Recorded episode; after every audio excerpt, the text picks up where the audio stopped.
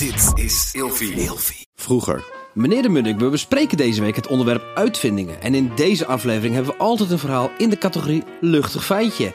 We gaan het hebben over het toilet. Ja, luchtig in de zin van dat het wel eens kan stinken. De oudste toiletten dateren waarschijnlijk uit de Minoïsche beschavingen. Wat? Eh, de Minoïsche beschavingen, dat zijn dat? dus ehm, een soort van beschavingen die op Kreta en eh, Rhodos en zo zijn gevonden. Dat zijn eigenlijk in de oudheid, voordat de Grieken een beschaving werden, was de Minoïsche beschaving al een, een ontwikkelde beschaving. Oh, dit was een ontwikkelde Ja, een beschaving. ontwikkelde beschaving. Oké, en, en zij dachten van, ik... eh, Oké, en Ehm, toen... ehm, uiteindelijk kunnen ze dus, ja, vinden ze terug in archeologische resten dat er dus buizensystemen van klei zijn gebruikt om dus onze ja, afvoer af te voeren. Ehm, de Romeinen hadden daarna al kleinste kamertjes waar je dus eh, je behoefte kon doen. En was er dus een eh, spoelend rioolsysteem aangelegd. Dit natuurlijk alleen in de grote en luxe steden.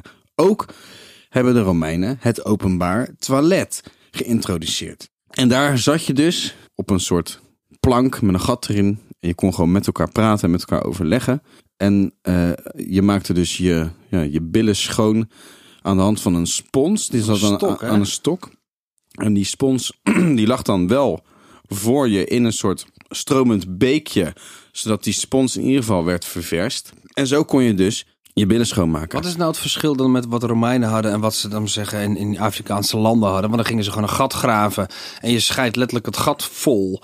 En dan gingen ze wat aarde overheen gooien en een meter verderop een nieuw gat graven en dan was er een nieuw toiletje. Ja, bijvoorbeeld. Of eh, zoals ze in het leger latrines hebben. Zeg maar, je, je hebt gewoon een gat. En je gaat zitten, zitten schijten.